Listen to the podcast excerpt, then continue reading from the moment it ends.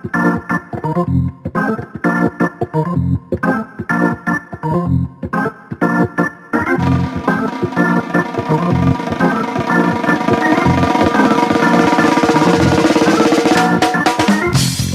dia, benvinguts a l'Ex Libris, l'espai pels amants de la literatura i els llibres en general.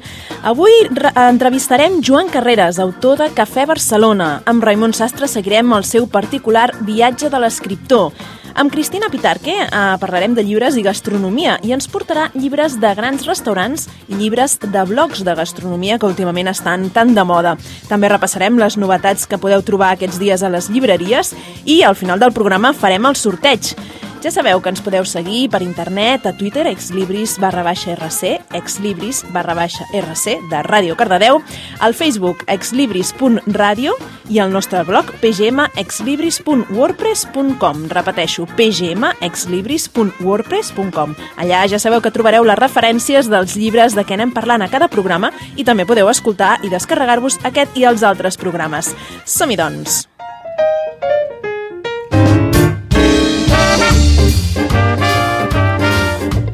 Comencem parlant de Caballo de Oros, de Víctor Freixanes, un llibre editat per Ciruela en castellà, que va sortir uh, fa, fa poquet. És, uh, Víctor Freixanes és un autor gallec, per això diem que Ciruela l'ha editat en castellà. És uh, autor, és escriptor, és editor i és professor de periodisme. Amb aquest llibre, Caballo de Oros, tanca la trilogia de Vilanova de Alba, que va començar fa anys, i que situa l'acció doncs, a Vilanova d'Alba, que és un, un poble figurat de ficció de, situat a Galícia, però dins una Galícia molt real. En, en època de guerra, de postguerra, és una època molt dura on hi ha molta impotència, l'exili, etc. Uh, després de presentar-nos els personatges, uh, entrarem en una partida de cartes i és molt interessant aquest Caballo de Oros amb la veu narrativa, com homenatge als narradors, podríem dir, de tradició oral. Va parlant tal com raja, tot i que sembli que, de fet, parla tal com raja, evidentment és, és fruit d'un treball previ bastant, bastant intensiu. Anirem entrellaçant amb aquesta partida de cartes diversos relats i d'aquesta manera manté doncs, l'intriga fins al final. Caballo de Oros de Víctor Freixanes. Fem un repàs ara algunes novetats justament ara dedicades a llibres de fantasmes de por, de fantasia, de novel·la negra, una miqueta podríem dir que avui ens hem centrat en això i comencem per Claire Witt i La ciutat de los muertos, de Sara Gran, editat per Destino. Aquesta ha estat qualificada com la nova novel·la negra. La protagonista l'han comparada amb Lisbeth Salander, una de les protagonistes de la trilogia Millennium de Stieg Larsson. La protagonista, com dèiem, és una detectiu molt bona, un personatge peculiar, una mica estrambòtic i que utilitza mètodes potser no tan ètics o morals, una mica l'estil de Lisbeth Salander. Doncs aquesta noia ha d'investigar la desaparició d'un ciutadà adinerat durant, durant el Katrina, per això se n'ha d'anar a Nova Orleans. És una història molt original.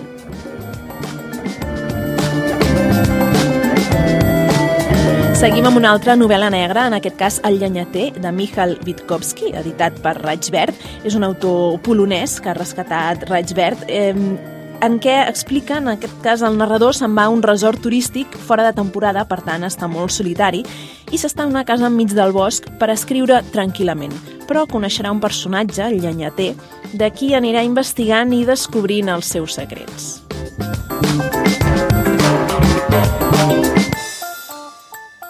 Seguim amb El llegat dels ossos de Dolores Redondo, editat per Columna en català i per Destino en castellà. Aquesta és la segona entrega de la trilogia de Batzan de Dolores Redondo, on tornem a trobar la inspectora Salazar, que en aquest cas assisteix a un judici contra un home acusat d'assassinar brutalment la filla de la seva dona. Però el judici se suspèn quan l'acusat apareix mort i amb una nota que conté només una paraula. La investigadora doncs, haurà de descobrir i investigar per trobar la veritat. Seguim amb Espíritu Festivo Cuentos de Fantasmes, que ha recuperat Libros de l'asteroide de l'autor Robertson Davies. És un recull de contes de fantasmes d'aquest gran escriptor canadenc que és curiosa la manera com va començar aquest llibre. Al principi no era un llibre, va escriure un conte de fantasmes quan vivia a la residència, una residència universitària per Nadal, i va agradar molt i l'any següent li van demanar un altre, i l'any següent un altre, i un altre, i un altre, i així donen els 18 anys en què va estar vivint allà. Per tant, ara tenim 18 contes de fantasmes. Tot i que siguin de fantasmes, no són de por, són, tenen, podríem dir, una ironia fina i bastantes referències polítiques i culturals. I també s'escapa una miqueta alguna paròdia paròdia dels clàssics. Espíritu Festivo, Cuentos de Fantasmes. I l'última novetat que us portem avui també de fantasmes és La casa i el cerebro, un relato victoriano de fantasmes de Edward Buller Layton, editat per Impedimenta. És una història de fantasmes amb totes les lletres, de terror. En aquest cas sí que és per fer passar por i trobarem històries sobrenaturals, malsons... De fet, eh, se situa en una casa encantada a Londres on un home decideix passar-hi una nit amb el seu gos i el seu criat. A partir d'aquí, aparicions, crims, fenòmens estranys i tot el que vulgueu.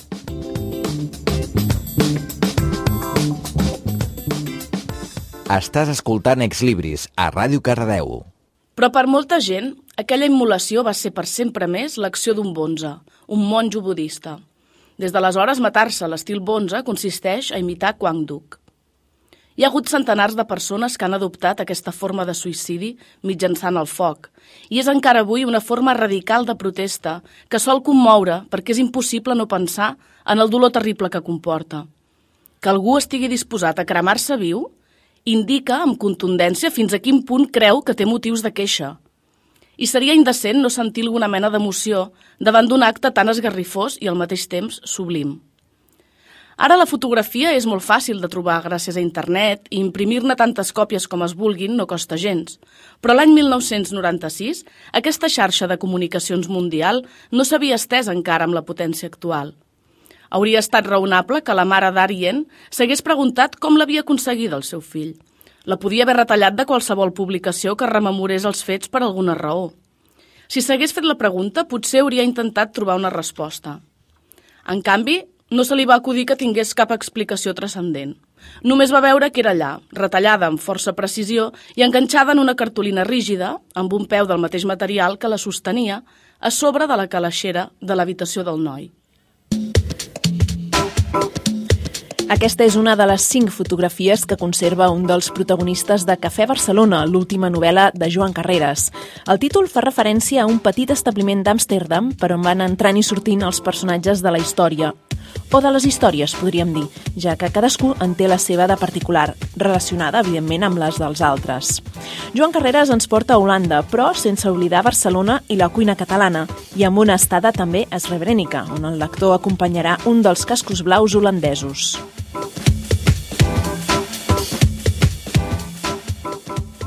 Doncs tenim a l'altra banda del fil telefònic Joan Carreras. Bon dia, benvingut a l'Ex Libris. Hola, bon dia, moltes gràcies per convidar-me. Gràcies per acceptar la, la proposta. Uh, voldríem preguntar-te primer per què t'has volgut fixar en la participació d'un dels cascos blaus a la guerra de Srebrenica? Mira, uh, a veure, primer que res, deixem que, que quedeixi ben clar que, no, que, que el llibre no és sobre la matança de Srebrenica, encara que és, naturalment comença així i, i pot fer aquest efecte, no? Uh, el que faig és que un dels personatges, que això es pot explicar, perquè com que passa al principi no hi ha cap problema, es pot explicar, és un, es diu Arien, és el fill de la mestressa del cafè i se, se suïcida al primer capítol, de manera que es pot explicar perquè no, no espatllem res ni fem la guits del lector, no? Uh, a mi m'interessava aquest cas en concret, a part que, en fi, doncs, per la meva edat, doncs, en el moment en què es va produir, uh, el vaig viure de manera indirecta, eh, llegint, llegint els mitjans de comunicació, i... però m'interessava per dues raons. D'una banda perquè hi havia implicats els, els holandesos, que, són un, que, que és un país sobre el que jo volia, volia escriure, que és un país doncs, conegut justament per, perquè la gent els atribueix no? doncs que són gent tolerant, pacífica, eh, diguem, el bon rotllo eh, del, dels Països Baixos, uh -huh. i que en canvi aquí van quedar, van quedar esquitxats en un, en, un, en un genocidi terrible que va acabar amb la vida de 8.000 persones. No? I, però m'interessava des del punt de vista de, de repte literari perquè diguem que tot sovint la, la literatura o altres obres de creació eh, agafen la, la perspectiva, la mirada del, de les víctimes d'aquestes situacions, Això és bastant freqüent i és normal que sigui així i a més a més és, en fi, és conegut i n'hi ha casos que són extraordinaris. No? Menys vegades passa que la, la perspectiva, la mirada del, de l'autor intenta eh, posar-se del, del costat del butxí.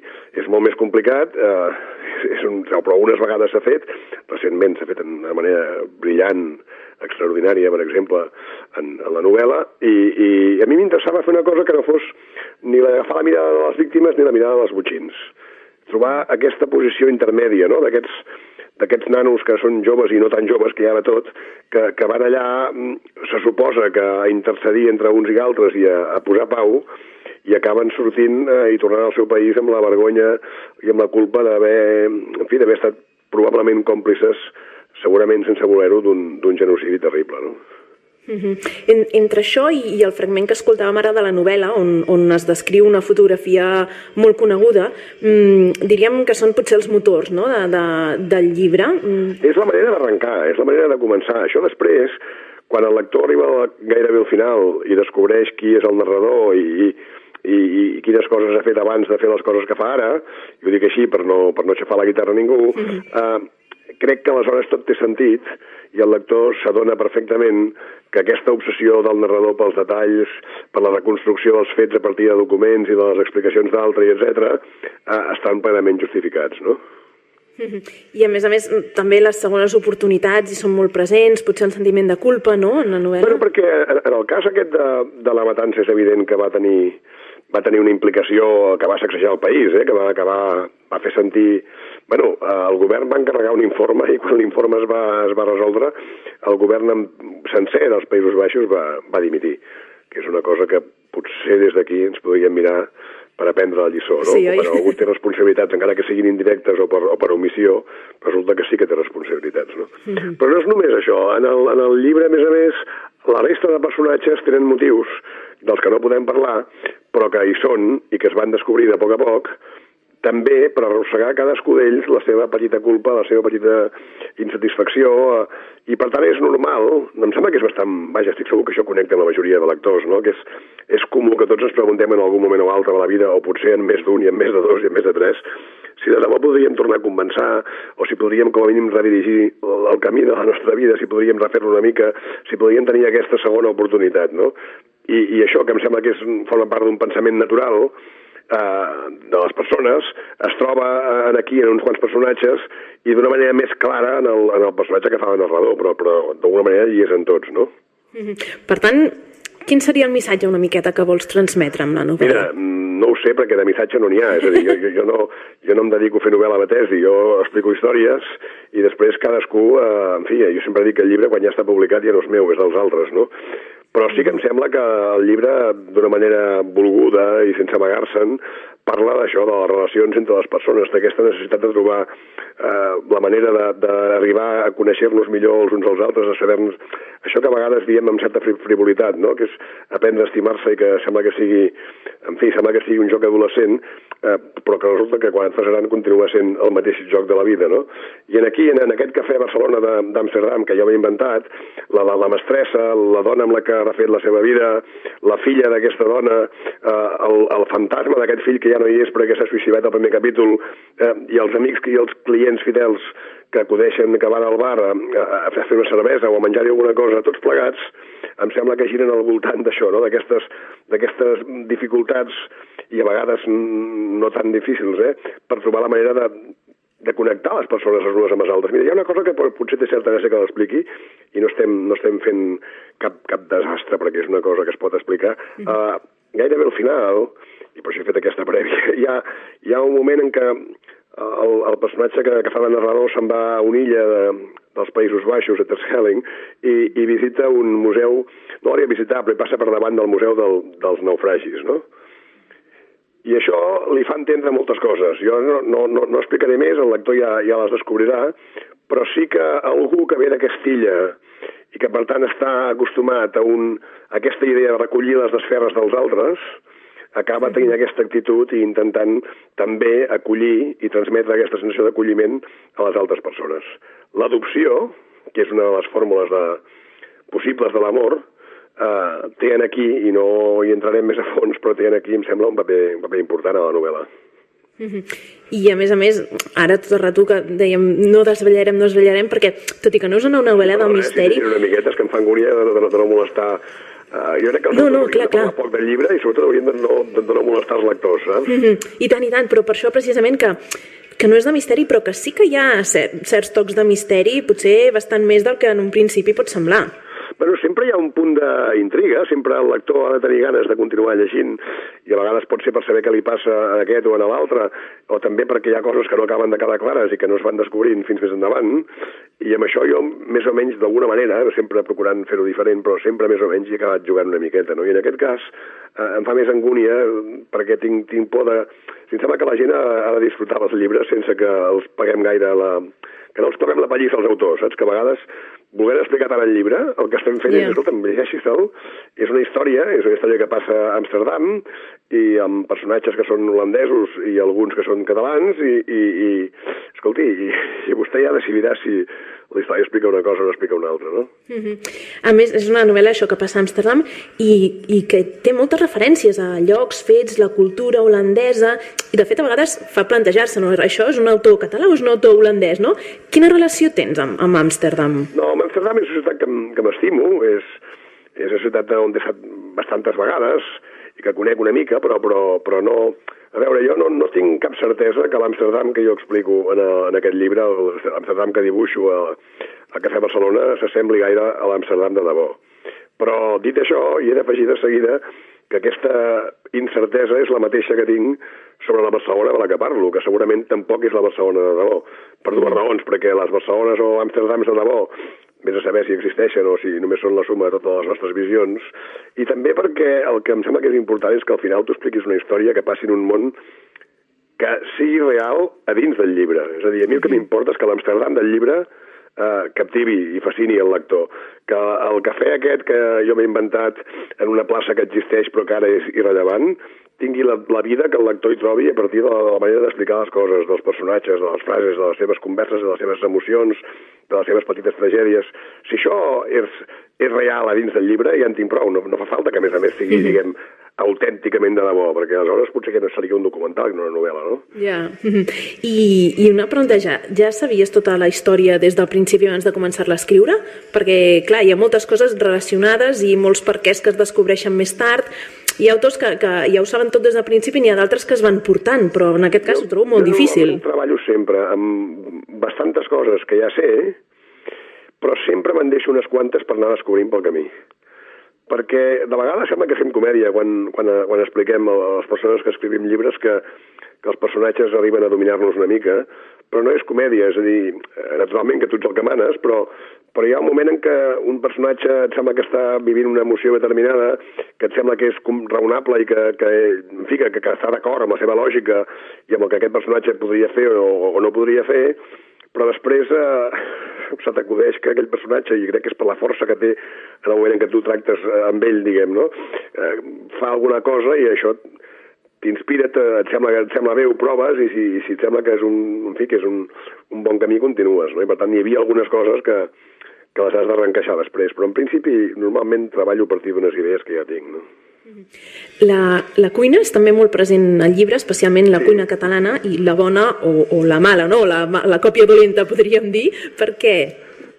Bé, perquè en aquest, en aquest cafè que jo m'he inventat eh, el que, i que, i que s'assembla a molts i tants cafès d'Amsterdam on de debò fan el plat del dia al migdia i potser alguna cosa per picar a l'hora de sopar o al revés, eh, depèn del lloc, jo volia que hi passés això mateix, però que ho fessin en cuina d'aquí, el, el motiu és que la, la mestressa del bar, la mestressa del Cafè Barcelona, la Hritxia, ha estat eh, mm, casada amb un català que ja és mort, i aleshores, encara que ella va la seva vida amb, amb una dona, amb la Rose, eh, decideix mantenir, eh, diguem, el que seria l'oferta principal del local que en aquell moment, eh, quan ells comencen, eh, anys enrere, és molt, molt exòtic, i que ara potser ja no ho seria tant, no? I això em permet, eh, em sembla que connectar més bé amb un públic d'aquí, que, entén, que pot entendre millor, diguem, aquesta situació, no? L'explicació, per exemple, doncs, de com fan l'arròs, mm -hmm. algunes de la, la, la mistificació que hi ha hagut sobre les tapes i els platillos, etc. Um, ja anirem acabant, però abans, um, en alguna ocasió has dit també està bé que els personatges de les històries ens diguin coses que de vegades no ens agrada sentir. A què et refereixes? Sí, perquè de vegades... Eh, mira, això em sembla que ho vaig comentar en relació a una conversa que hi ha gairebé al final del llibre. Eh, el, el narrador té una conversa amb una germana que té a Barcelona i, i, i ara potser he anat massa enllà, i, però és igual, que el que és important és que aquest personatge barceloní eh, explica les coses que estan passant ara mateix, eh, això que alguns mitjans de comunicació anomenen el procés, eh? eh tota aquesta il·lusió, eh, en fi, tot això que podríem, si vol, sintetitzar en la via catalana o en el que va passar el 2012, etc. no? Uh -huh. I, i, I, en canvi, hi ha un personatge que, que viu fora del país fa molts, molts i molts anys, que s'ho mira amb molta distància. I això em permet fer alguns comentaris sobre tot això, que em sembla que, i que crec que aquesta frase que tu esmentaves venia, venia d'aquí, eh, amb certa distància, i per tant, és que si no ho haguéssim fet un pamflet, saps què vull dir? I a mi això em sembla molt poc interessant. Jo el que volia és que hi hagués l'opinió d'algú que estigués lluny d'això, i que per tant pogués opinar amb més llibertat, amb més... Saps què vull dir? Amb, sí, sí, sí. amb, amb més distància. Sí, que a vegades estem tan a dintre que no ho sabem veure en perspectiva, no? Sí, si tens un personatge que, que fa aquesta funció, és, és més fàcil que digui coses que potser no són les que tu hi pots estar d'acord o no, és igual, però, però que... Però que donen un altre punt de vista, no? Sí, perquè pensa que quan fas això, no sé, poso per cas la, la, la música de fons que hi ha a la novel·la, que és la música d'aquest intèrpret neerlandès, el André Hazes, uh -huh. uh, és, un, és un intèrpret que a mi no, no m'apassiona particularment, per no? està lluny dels meus gustos musicals. Però, en canvi, els últims tres anys m'he parat d'escoltar les seves cançons. Em semblava que m'havia de m'havia d'amarar, no? que, que, que havia de quedar realment, que havia d'absorbir alguna cosa més que el coneixement que tingués d'aquest personatge secundari, no? Uh -huh. De la mateixa manera intentes això, no? Uh, quedar molt, molt, molt, molt ple de tot el que hi ha al voltant perquè et sembli que puguis, que ho puguis abocar després, no? Que és la mateixa raó per la que em vaig decidir fa, fa un temps estudiar una mica l'idioma dels Països Baixos, el neerlandès, no perquè pretengui saber-lo perfectament, sinó perquè creia que era com una mena d'obligació ètica, no? Si, si faig una novel·la que passa a veure, no ens enganyem, si jo faig una novel·la que passa a Pequín i ja tots els tots són xinesos i parlen en català no passa res perquè estem fent una ficció i tots ens entenem. Però a mi em va semblar que, en fi, que, que havia de fer l'esforç d'aprendre una miqueta l'idioma, no? Uh -huh. I què tal, com el portem? El, bueno, estem, estem estudiant-lo. estem, home, déu nhi perquè hagués pogut fer-me enrere, ara que el llibre ja està al carrer, sí, clar. i de moment mantinc el meu compromís i continuo estudiant, i mira, així és... Bueno. En fi, però que, que no calia fer-ho, saps què vull dir? Que no era necessari. Sí. Uh -huh. Aviam... Però a mi em va semblar que jo em sentia més còmode si ho feia. Aviam on estarà ambientada la següent novel·la i quin idioma tocarà aprendre, no? Vés a saber, vés a saber. Espero no complicar-me tant la vida. bueno, uh, ja anirem acabant, però per això sempre ens agrada preguntar als escriptors amb qui parlem, els demanem que, que ens recomanin o que ens diguin un llibre que hagin llegit últimament i que els hi hagi agradat. Quin Home, ens podries dir? Sí, és una cosa que procuro fer molt poc perquè diguem, el fet que jo escrigui llibres no fa que les meves opinions com a lector siguin eh, ni més ni menys interessants, aquesta és la veritat. Però qualsevol opinió de qualsevol Però... lector ens interessa, de fet, no? Sí, mira, acabo de llegir fa pocs dies, he acabat l'última cosa d'en McEwan, uh, l'Operació Caramel, uh mhm. -huh. i uh, ahir vaig tancar l'última pàgina de Canadà, uh -huh. d'en Richard Ford, i ara mateix tinc a les mans, que espero que començarem aquest vespre, el Butcher's Crossing de John Williams, que és l'autor de Stoner i, i August, sí. uh -huh. dos llibres que he llegit, i aquest, aquest encara no, i, i el tinc a la meva, a la meva pila. Bueno, ens els recomanes, els altres dos que hi has llegit, Operació Carmel? Tots els llibres que llegeixo, tots i que, que esmento, és va recomanar, jo no soc ningú per recomanar res, però jo els he disfrutat molt. Bé, el que passa és que, a veure si m'entens, jo disfruto gairebé tot el que llegeixo, entre altres raons perquè sóc un lector molt obedient. Què vols dir? Si un autor fa determinades coses, jo procuro seguir-lo en comptes de discutir-lo, i al final, si de casa, tinc el meu judici personal, com tothom que llegeix un llibre, però sóc un lector, sóc un lector obedient.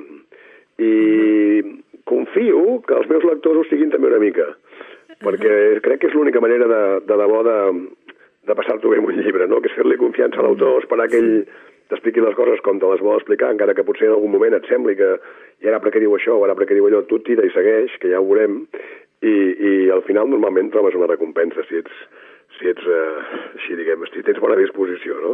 Sí, de vegades hi ha millors i pitjors recompenses, eh? Però, Jo però no bé. sé, potser és que dec triar bé, però en general També pot que ser. disfruto moltíssim eh, amb tot el que llegeixo. És... Perfecte, doncs nosaltres que ens n'alegrem perquè també ens agrada molt llegir. I Joan bé. Carreras també ens agrada molt... Alguns lectors dels que estan escoltant el vostre programa vulguin, vulguin disfrutar de Casa Barcelona. Home, esperem que sí, perquè realment creiem que val la pena. I, i després d'haver-ne conegut la, les explicacions de l'autor en primera mà, mm, ho enriqueix encara més, jo crec. Molt bé, moltíssimes gràcies. Doncs res, moltes gràcies, Joan Carreras, i, i molta sort en els propers llibres. Molt bé, endavant amb el programa, bon dia. Merci, fins aviat. Segueix-nos per internet al web pgmexlibris.wordpress.com i al Twitter exlibris barra baixa rc. I ara tenim ja preparat Raimon Sastre, amb qui continuarem el seu particular viatge de l'escriptor. Bon dia, Raimon. Molt bon dia, Clara. Com va això? Bé, bé, bé, ja pots comprovar que recuperem una mica d'un encostipat, com es pot notar a la veu, però bé. Sí, aquests dies és una miqueta el que toca, eh? Sí, sí, aquesta època a més jo em sembla que sóc un d'aquells clàssics que fitxa que l'hivern sempre, sempre agafa alguna cosa. Bueno, esperem que sigui lleu. Sí, um, jo sempre. Raimon, cap a quins països ens anirem de viatge avui amb el viatge de l'escriptor? O com enfocarem, o com qui ho enfocarem? Doncs bàsicament avui ens cap a Barcelona a parlar amb una gent que en sap moltíssim de llibres, que és a l'Escola d'Escriptura de l'Ateneu Barcelonès, probablement sigui un de, dels referents a l'hora de formar escriptors i escriptores en aquest país. Fa 15 anys que s'hi dediquen Déu-n'hi-do. i doncs bé, els vam fer la proposta de parlar amb alguna persona de l'Escola d'Escriptura, els hi vam explicar de què anava la secció, els hi va encantar, els hi va encantar el programa, els hi va encantar la secció, Que bé. i ens van, i ens van atendre meravellosament bé. Molt I bé. qui ens va atendre va ser en Pau Pérez.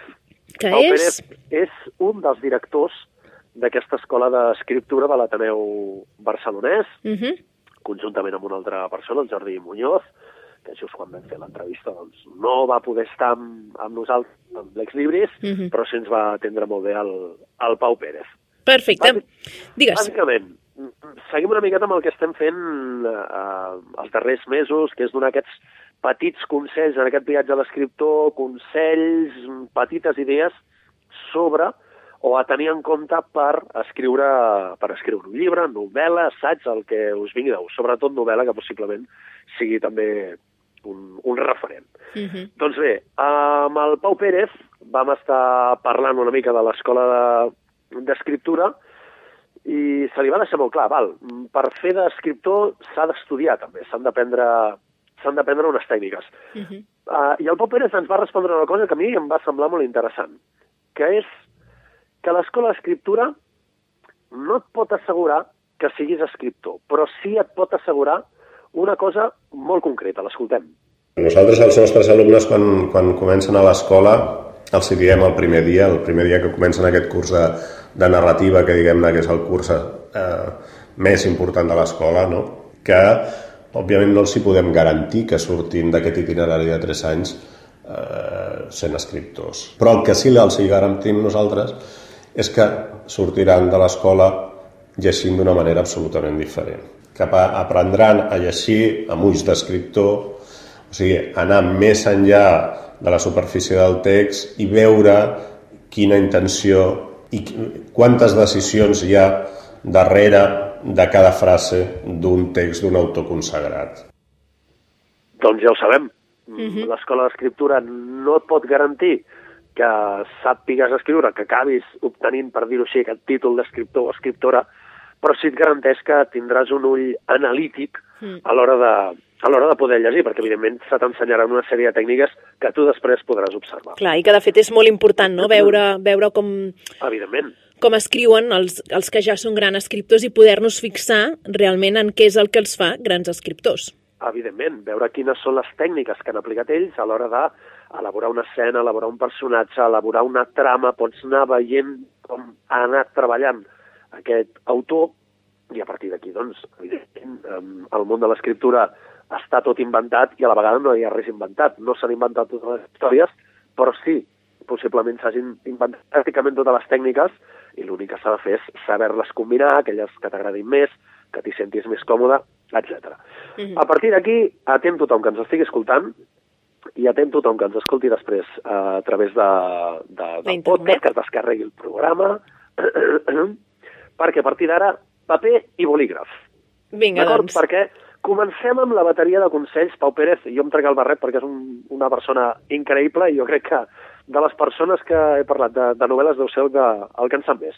Comencem amb els consells i comencem sobretot amb aquest treball previ abans de poder redactar un primer capítol d'una novel·la. L'escoltem. Abans de posar-te davant del full en blanc, segura que el procés d'escriure comença molt a mans. O sigui, són moltes hores de mm, dedicar-te al que diríem no fer res, que és pensar en què pots escriure. I un cop et, et poses a escriure, eh, mm, pensar ja en que allò és un procés, que no que el, eh, treure's de sobre eh, la idea, o- o- allò tan, tan castrant, tan frustrant del perfeccionisme, de que t'ha de sortir mm, doncs la versió definitiva eh, doncs a la primera, no, no. Queda clar, un llibre no s'escriu mai a la primera i constantment uh -huh. hauràs d'estar corregint. Seguim amb els consells, amb aquest treball previ que s'ha de fer abans d'escriure. L'escoltem. El primer que fa l'alumne en el procés de construcció de la novel·la és escriure un argument de dues pàgines eh, en, de, de, del que sàpiga d'aquella història. I a partir d'allà comença un procés d'estructuració de la història molt pautat que no arriba a, al moment d'escriure el primer capítol, per dir-ho així, fins que no passen mesos. Déu-n'hi-do, D'acord? mesos, eh? Paciència, s'ha de tenir paciència. S'escriurà molt, però s'escriurà molt perquè és necessari per després dominar bé aquesta, aquesta novel·la. Seguim amb aquests consells, amb aquest treball previ que s'ha de fer. Aquella sinopsi de dues pàgines, que és en ordre cronològic, passa a una altra fase que nosaltres li diem mecano, eh? on s'estableixen quin és el desencadenant de la història, quins són els punts de gis de la història, quin és el clímax de la història, quina és la resolució de la història. Aquest és un segon pas, després es passa al que nosaltres anomenem articular la trama, eh? que és disposar l'argument en l'ordre definitiu dels fets i prendre tota una sèrie de decisions respecte a quin és, serà el narrador, quin serà el punt de vista, quin art temporal tindrà la història, etc etc. Realment hi ha moltes coses en què pensar, eh, Raimon? Doncs sí, hi ha moltíssimes, moltíssimes coses. No sé, em sembla que tenim un, un parell de través de, uh Mhm. -huh. del Pau Pérez. Sí. Si et sembla, perquè per temps em sembla que anem una mica, una mica justos, uh Mhm. -huh. ah, me'n vaig a, a la última decla de, de totes que us volia Sí. llançar avui, a la qual dona una petita fórmula Uh -huh. que sempre s'ha de tenir en compte a l'hora d'escriure una novel·la. Vinga, doncs. Un element fonamental que ha de tenir eh, qualsevol història és un conflicte. Mm? Un conflicte. Si no, si no hi ha conflicte, de què parlem?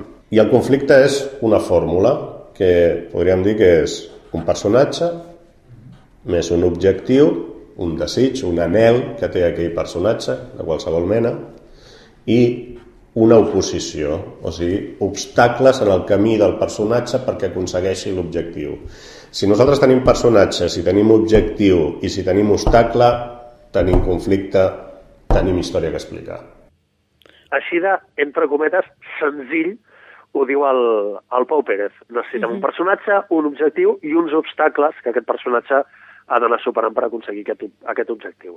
um, no sé si tinc uns segons més perquè m'agradaria comentar-vos ràpidament Digues. una última cosa, Uh -huh. i és uh, que, evidentment, l'escola de- mm, d'escriptura... Uh, primera, que l'entrevista amb el Pau Pérez la tindrem d'aquí poc uh, penjada a internet i la gent la podrà Mhm. escoltar íntegrament, Sencera. conjuntament amb el, amb el programa. Uh -huh. I només mm, dir-vos, eh, si us voleu fanyar, avui que parlàvem, o avui que escoltàvem el Pau Pérez de l'Escola d'Escriptura, i és que l'Escola d'Escriptura de Barcelona, de l'Ateneu Barcelonès, eh, tanca cursos la primera setmana de gener i la última de gener. Tenen una sèrie de cursos oberts ara durant l'hivern que es tanquen els primers dies de, de gener Uh -huh. i si us interessa consulteu la pàgina web campusdescriptura.com i allà doncs, podreu veure tots els cursos que fan i si us interessa algun, evidentment recomanadíssim perquè és una, una escola d'ensenyament d'escriptura reconeguda. Molt bé, doncs ja sabeu, estigueu atents amb aquests cursos, que ja hem pogut tenir potser un, el privilegi de tenir-ne un petit tast, no? I que, Sí, que realment sí, sí, se'n pot treure molt, oi? Doncs sí, a més a més, si algú s'acaba apuntant a algun d'aquests eh, cursos, creieu-me que l'edifici de l'Ateneu Barcelonès per dins val moltíssim la pena. Moltíssim. o sigui que si aprofiteu i us podeu col·locar per aquelles aules i a més a més visitar l'Ateneu Barcelonès val molt la pena. Mira, dos en un, no? Evidentment, una mica de visita turística conjuntament amb cultura. Escolta'm, benvinguts Perfecte. sigui. Molt bé, Raimon, moltes gràcies per aquestes entrevistes tan interessants que, es, que ens portes i res, esperem tornar-te a sentir el mes vinent, que passis unes bones festes. Igualment, que passis tu unes bones festes, la gent de l'equip i per descomptat a tothom que, que ens estigui escoltant. Vinga, fins aviat. Fins aviat. Ex Libris. Ens agrada llegir. El temps robat. Estic llegint L'home que va confondre la seva dona amb un barret, del neuròleg Oliver Sacks. És el mateix doctor que va escriure el llibre Despertars, una obra que va inspirar obres de teatre i la famosa pel·lícula amb Robert De Niro i Robin Williams. Tant Despertars com L'home que va confondre la seva dona amb un barret descriuen casos clínics que el doctor Oliver Sacks ha conegut al llarg de la seva carrera com a neuròleg. I avui en parlo perquè són una bona mostra de com en la literatura i en d'altres coses és inútil tenir prejudicis. Jo podria dir que no m'interessen els llibres sobre malalties. No sóc hipocondríaca i tampoc sóc morbosa. No gaudeixo amb el patiment aliè. Però aquests dos llibres no són llibres sobre malalts. Tampoc són novel·les. Diríem que són assajos amb una bona dosi de poesia. Complicat. És el que té posar etiquetes simplificadores als llibres, a les pel·lícules, a les persones. El doctor Oliver Sacks no es limita a descriure malalties neurològiques. Ell escriu des d'un punt de vista humanista, filosòfic, i és emocionant com es comunica amb els seus pacients, com els escolta i com permet que cada malalt pugui ser creatiu a l'hora d'encarar la seva patologia. Per tant, ja no parlem de malalties, parlem de l'essència de l'ésser humà. Parlem de què queda d'una persona quan, per exemple, ha perdut els seus records. Encara és? Aquesta persona encara existeix com a tal? No em digueu que no és una lectura atractiva. Està clar que la gràcia de tot no radica en el què, sinó en el com. Quan parlem de gèneres literaris, potser ens facilita l'organització dels llibres als prestatges, però poca cosa més. La resta de la classificació en gèneres, per mi, només són inconvenients i cotilles. Jo deia que no m'agradava la ciència-ficció, però vaig llegir Harry Potter i vaig caure-hi de quatre potes, sense adonar-me'n. Una cosa cal reconèixer-li a la Rowling, i és que el món màgic on viu Harry Potter és totalment creïble. És fantàstic i creïble alhora. Per tant, en la realitat que descriu els llibres, és verídic. Com a lectora vaig entrar lentament en aquest món i em va semblar lògic que les granotes de xocolata saltessin per la finestra si no te les menjaves al moment. Ara que s'acosten dies de demanar i regalar llibres, podríem jugar a visitar els prestatges de les llibreries que sempre per sistema defugim. A veure què hi trobem. Bones festes, bona nit i moltes gràcies. Acabem d'escoltar El temps robat, de Maica Massaguer. I avui ens hem volgut fixar en uns professionals del món dels llibres que potser a vegades no tenim prou presents, tot i que la seva feina és molt visible. Ens referim als dissenyadors de portades de llibres. Hem parlat amb un expert en la matèria.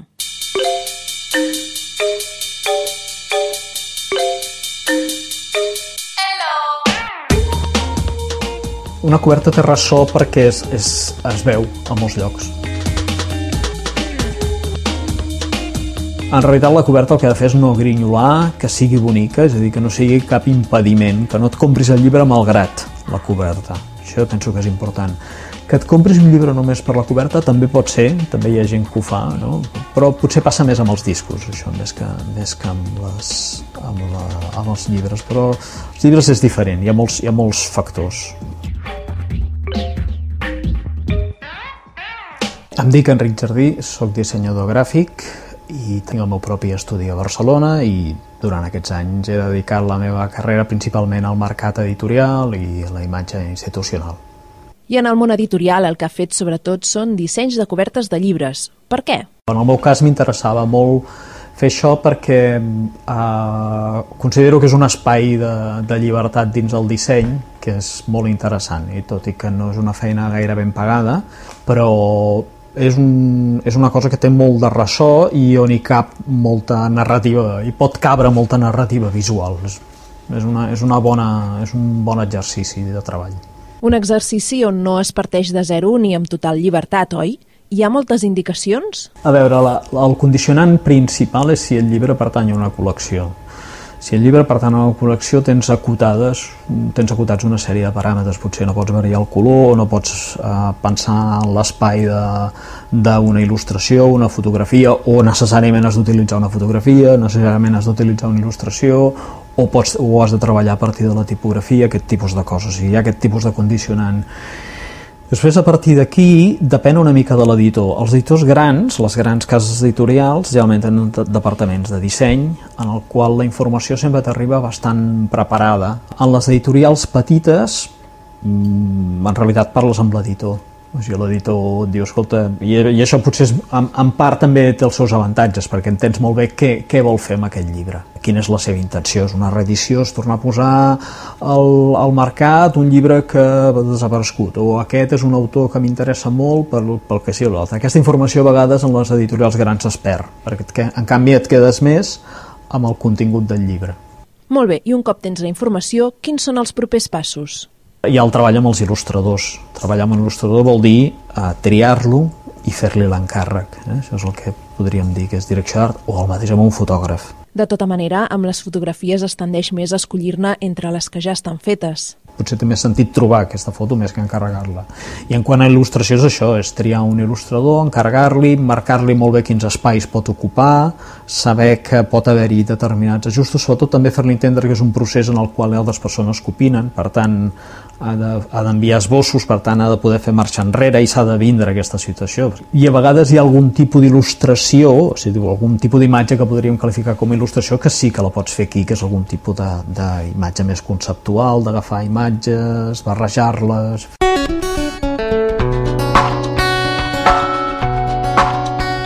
L'ideal és aconseguir una identificació molt forta amb el contingut, clar. I com s'arriba a això? Per arribar a la identificació amb el llibre no necessàriament ha d'haver-hi l'explicació de l'argument, que potser seria una, el primer que penses, no? que per començar que molts llibres no tenen argument alguns doncs, són, no fic, són, coses, són assajos o, o llibres de no ficció no és com una pel·lícula que has de fer una caràtula que expliqui que doncs, és acció o que està passant determinades coses sinó que la coberta és un embolcall i que ha de ser una crida el, ha de ser una crida que, que aquest llibre es vengui i sobretot que s'identifiqui amb el contingut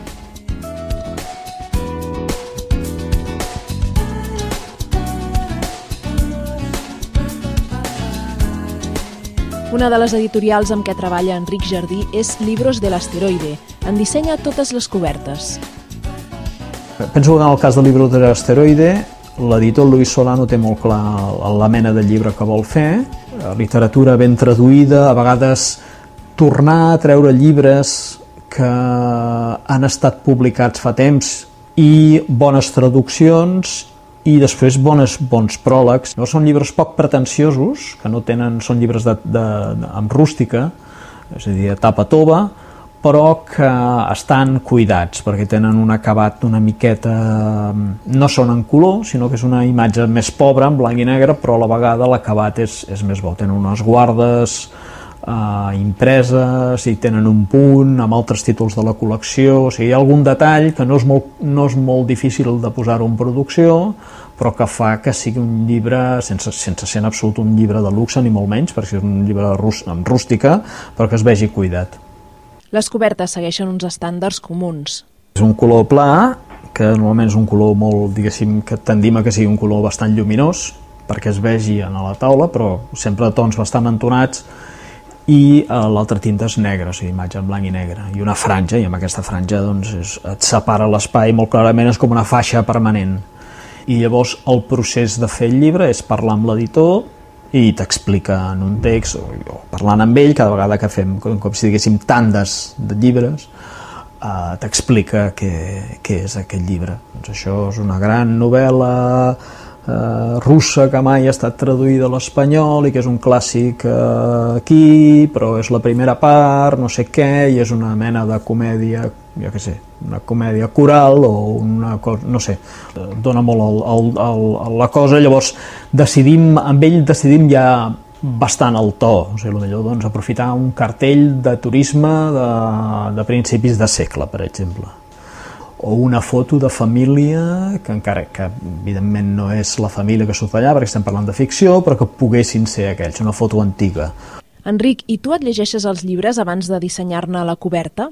No, no em puc llegir els llibres, no, no tindria temps i, i tampoc no té sentit eh, o sigui, a banda del temps que hauria d'utilitzar llegint eh, llegint els llibres tampoc la informació que jo pugui treure per fer la coberta és, és molt rellevant, és molt millor que, que t'expliquin què volen fer amb aquest llibre.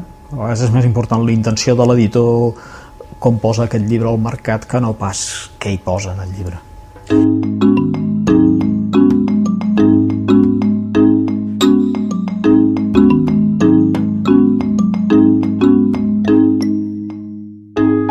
Mesura creus que una portada determinada influencia els lectors a l'hora d'escollir un llibre o altre? El lector, abans, abans del disseny de la portada, té altres motius d'elecció. A Espanya, concretament, el, el fet de, de que una novel·la pertany, pertanyi a una col·lecció és molt important en el cas en el, aquí. Jo crec que en el cas del llibre pot més això, pot més el, el text de la solapa, el text del darrere, una faixa, evidentment una crítica, el, boca, el que, el que t'hagin dit els altres, tot aquest, el que digui el llibre, totes aquestes coses tenen més importància que la coberta. I tu, te les mires molt, les portades, quan esculls lectura? No, els llibres que llegeixo no els trio per la portada. Jo no, perquè com que el temps de lectura és un bé escàs, ara, en la, estic en una etapa a la meva vida que intento llegir coses que no he llegit encara i, i, i coses que hauria de llegir abans de morir, diguéssim. No? Llavors, eh, les edicions són com són.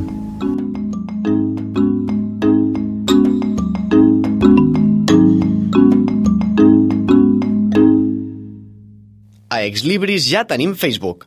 Busca'ns com a Exlibris Programa de Ràdio. I és hora de donar la benvinguda a Cristina Pitarqué. Què tal? Molt bé, Clara, què tal? Bon dia. Bon dia a tothom. Cristina Pitarqué, que ens parla de llibres i de gastronomia. Doncs sí, avui vinc planeta, eh? perquè amb sí? això dels Nadals, que la gent cada vegada li, li agrada més regalar llibres, que a mi m'agrada molt també, Perfecte, aquesta nova tendència. sí, tant. vinc, vinc plena avui, eh? Molt bé. Plena de què? Perquè normalment de, ho enfoques d'una manera específica, oi? Doncs sí, avui de moment començarem plens d'estrelles, perquè fa molts pocs dies es van donar, es van fer lliurament aquesta data especial sempre de les estrelles Michelin i algunes van caure molt a prop de casa nostra. De fet, a Barcelona alguns locals reconeguts i molt nous se'n van endur alguna estrella, com és el cas de, del Tickets, d'algú bastant reconegut, tot i que a l'ombra del seu germà, estem parlant d'Albert Adrià, eh, doncs, bueno, podem dir gaire cosa, eh? tothom coneix eh, els germans Adrià, doncs en uh -huh. aquest cas eh, al restaurant Tickets li van donar una estrella aquí a Barcelona i parlem d'ell perquè tot just al cap de molts pocs dies, casualitats de la vida, podríem dir o no, evidentment, va presentar el seu llibre, Tapes, la cocina del Tickets, de, de l'editorial RBA, uh -huh. eh, on parla una miqueta i on fa una mica de repàs d'aquesta manera nova de presentar les tapes. Si ja ho va fer el senyor Adrià ja fa molts, molts anys, ho va publicar casualment amb la revista Woman, va publicar un llibret molt petit amb amb, amb receptes, donant-li un altre toc a les tapes tradicionals, doncs en aquesta ocasió Albert Adrià, que fins aleshores al Bulli s'havia encarregat de, de postres, doncs aquí a Tiquet s'encarrega molt d'aquesta tapa molt original, i perquè vegis una miqueta eh, el de què t'estic parlant, des d'un tartar de tomàquet o el que ells han anomenat un herbaguet de pernil o mollete de papada. O sigui, Ui, aviam, tradueix-nos això. Mira, no ho sé, jo crec que potser és comprar-se el llibre i, i al·lucinar una miqueta. Hi ha tapes bastant complexes, però hi ha d'altres que penses, vaja, no, no hi havia caigut mai amb aquestes combinacions i és una cosa per sorprendre potser al Nadal. Saps aquelles taules uh -huh. que a mhm. vegades una mica s'avorrides, com de el pernil, que si és bo no cal donar-li molt. eh? no. Però a vegades afegint alguna coseta doncs ja té, ja té algun punt especial. Sí. I bé, us volia portar aquest tapes, la cocina del tiquet, de RBA. Molt bé. Què més? Que ens has dit que venies Planeta? Sí, doncs mira, i parlant de- d'estrelles de, i dels millors restaurants de, del món, jo et porto també de RBA, és una miqueta, bueno, és de l'any passat, és del 2012, però, però m'agrada molt aquest restaurant, m'agrada molt el seu xef, Andoni Luis Aduriz, al capdavant del Mugaritz, un restaurant, del, el tercer millor restaurant del món, segons ha estat reconegut, um, va treure en el seu moment La cocina como ciencia natural, un llibre que no sé si recordaràs, la temporada passada vam parlar d'aquell llibre majestuós del, de, del celler de Can Roca, Sí. doncs ve a ser una miqueta el mateix, però amb la versió d'aquest restaurant, de, del Mugaritz, que està a Guipúzcoa. I és una molt bona manera d'apropar-se al que fa aquest home, que és com una mm, passió radical i violenta pel que té al seu entorn. Eh? De fet, és l'únic capaç d'haver creat un macaron de, de sang de toro. I aquí t'ho deixo. Imagina't. Sí, sí, sí. Doncs aquest Mugaritz, la cocina com a ciència natural, perquè ell té molta passió amb el producte de l'entorn, doncs és un llibre de RBA, és molt gruixut, és molt gruixut i segueix una mica també aquella filosofia del, del celler de Can Roca, és una, un repàs a la seva història a través de més de 50 receptes. Val, per tant, hi ha, hi ha tant lectura o explicació, podríem dir, com també idees i de receptes eh, que es poden fer?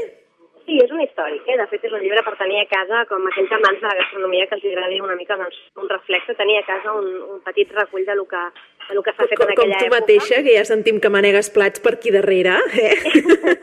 nota, eh, on estem. Sí, sí. No, perfecte. Qui millor que un expert en literatura i en gastronomia per parlar-nos en...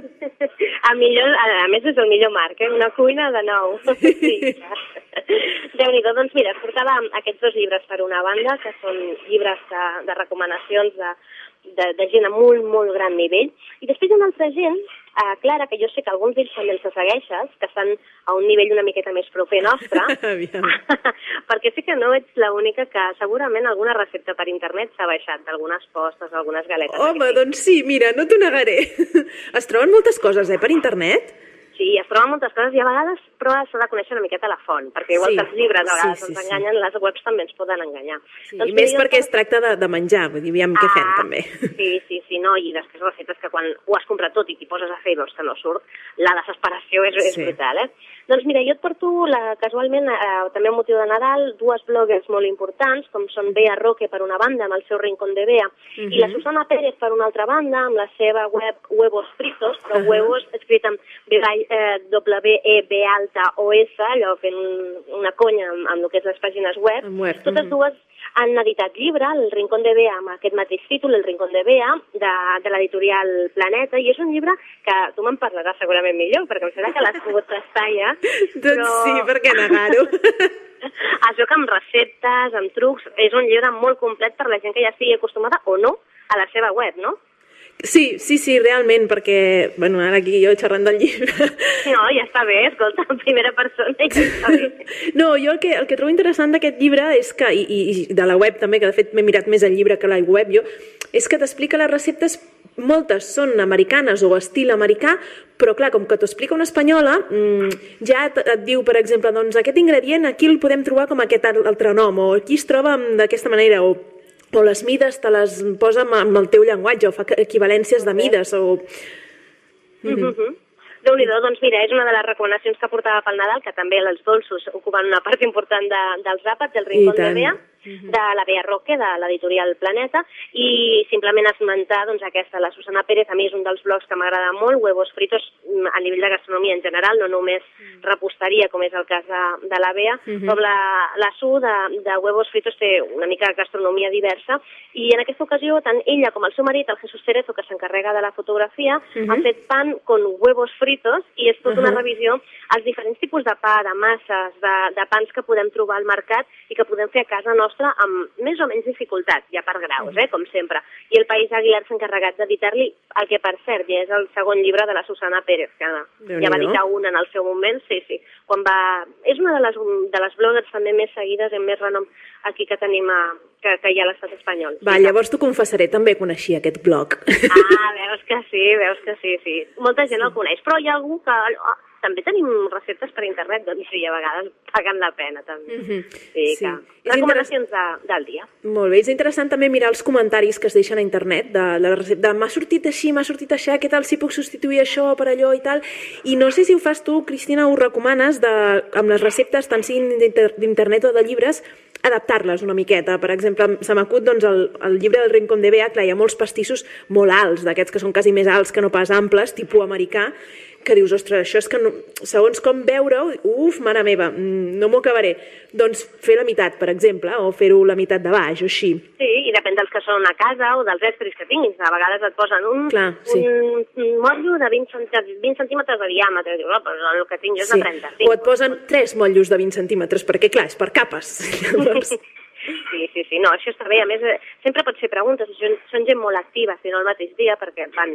Són gent que, a més, que casualment no s'han dedicat professionalment abans moltes vegades a, a la gastronomia, sinó que pot, pot, pot ser metge o podòleg o periodista o el que sigui, Ja. i per casualitat de la vida obres un blog, en el seu moment era gratuït, ara gairebé també ho és, i, i ara és gent que viu exclusivament d'això, i per això, eh, perquè els ocupa una part important de, de la seva vida, o sigui que imagina't el que dona de si la cuina. Molt bé, perfecte, ens encanta, eh, Cristina, d'anar descobrint tants llibres ara aquí per internet i tal. Mm, molt bé, molt bé. Avui ens quedem, doncs, amb Tapes del Tiquet, El Rincón de Bea, Pan con huevos fritos, i quin era l'altre? Mugaritz, la cocina como ciencia natural. Mugaritz, perfecte. Molt bé, doncs uh, els uh, oients no cal que els escriviu així ràpidament, que ja els posarem a, a la pàgina web perquè els podeu recuperar. I Cristina, moltes gràcies i ja et deixem que segueixis cuinant. I aviam si algun, llibre, algun dia ens parles d'un llibre teu de cuina, no? Ui, espera, espera, encara, quan deixis fogons potser m'hi dedico. bueno, l'estarem esperant, doncs. Cristina Vitarque, moltes gràcies. Gràcies, bona Fins aviat. Exlibris, una estona entre llibres. Temps ara per l'agenda que ens ha preparat Laia Estebaranz. Dimarts dia 17 a les 5 de la tarda l'Arxiu Municipal de Granollers organitza una taula rodona sota el títol Vivències i records a les places de Granollers, una tertúlia que ens farà un viatge pel passat de la ciutat. La Biblioteca Campedrals de Granollers ha preparat una activitat per als més petits de la casa. L'Hora del Conte tindrà gust de torrons. Clara Gavaldà serà l'encarregada de guiar aquesta activitat el dimecres 18 a dos quarts de 6 de la tarda. Raimon Obiols presentarà les seves memòries polítiques que ha anomenat El mínim que es pot dir. Serà divendres, dia 20, a dos quarts de vuit del vespre a la llibreria La Gralla de Granollers.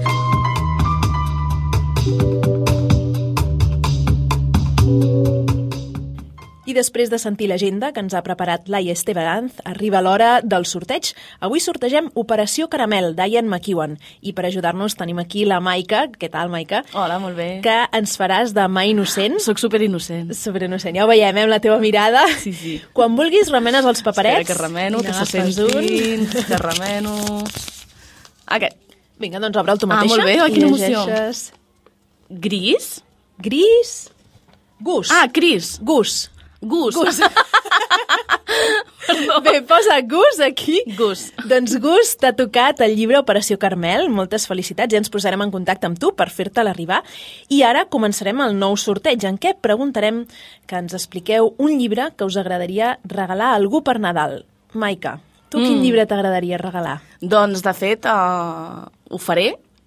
N'hi ha dos. Un de mm, el William Blake, que és un gravador i anglès, que Mhm. ara l'editorial Atalanta ha tret una edició superbonica, i ara no me'n recordo com es diu, com algo profe cuentos profèticos o alguna cosa així. El volum 1 regalaré, i també regalaré un llibre que ha tret el José Luis Cuerda, que és un director de cinema que si no el coneixeu us el recomano, sobre la seva pel·lícula emblemàtica que es titula Amanece que no es poco, i és un llibre que han tret sobre aquesta pel·lícula i fricades d'aquesta pel·lícula. Molt bé, perfecte, Maica. Veus que ja veig que ja els tens molt clars. Sí, i sí, que sí, sobre sí, ja sí. s'ha d'escollir molt bé, això. Sí, sí, sí. Però és un bon llibre, un, un, un bon regal, un llibre per Nadal, Totalment, oi? clar que sí. Molt bé, doncs Maica, moltes gràcies. Nosaltres ens anem acomiadant. Recordeu que ens podeu seguir al blog del programa pgmexlibris.wordpress.com pgmexlibris.wordpress.com També ens podeu seguir al Facebook exlibris.radio i ja sabeu que allà hi trobareu les fitxes dels llibres que hem comentat avui per si en voleu recuperar algun. Han fet possible aquest programa Raimon Sastre, Carles Tornero, Maica Massaguer, que la tenim aquí ballant, Cristina Pitarque, Alaia Estebaranz i Mateu Camps a les vies de so. Salutacions de qui us ha parlat, Clara Calvet. Bones festes i fins l'any que ve. Acabem amb el principi de De teves a meves, de Pere Cal- Caldés. Resulta que acabo d'entrar en una crisi profunda, digué l'amic. M'he plantejat el problema del sentit de la vida i no em puc treure l'entrellat. L'amic, que en aquells moments afrontava un conflicte de lletres vençudes i d'un amor contrariat, tot alhora, se'l va mirar interrogativament. I doncs, què hi podríem fer? No ho sé, per això t'he vingut a veure, perquè tu tens unes mans de plata i sempre has estat traçut de mena. Què et passa? Em pregunto per què he vingut en aquest món, què hi faig i on anem. I et convé molt de saber-ho? M'ajudaria. He de prendre una decisió important. El visitant es va alçar de la butaca i va donar un parell de voltes per l'habitació. Si no sabem per què hi som, digué, costa de saber què hi fem. Mira, va respondre-li l'amic, jo trobo que hi ha coses que val més no remenar-les. Ets catòlic, tu? Diria que sóc un creient sense església determinada. Però creus en una altra vida eterna? Home, pel compte que em té sí, és un gran consol per parar el cop. Doncs aferra't a la idea. Imagina't si en tindràs de temps per rumiar això que ara et pot semblar qüestió d'hores o de minuts.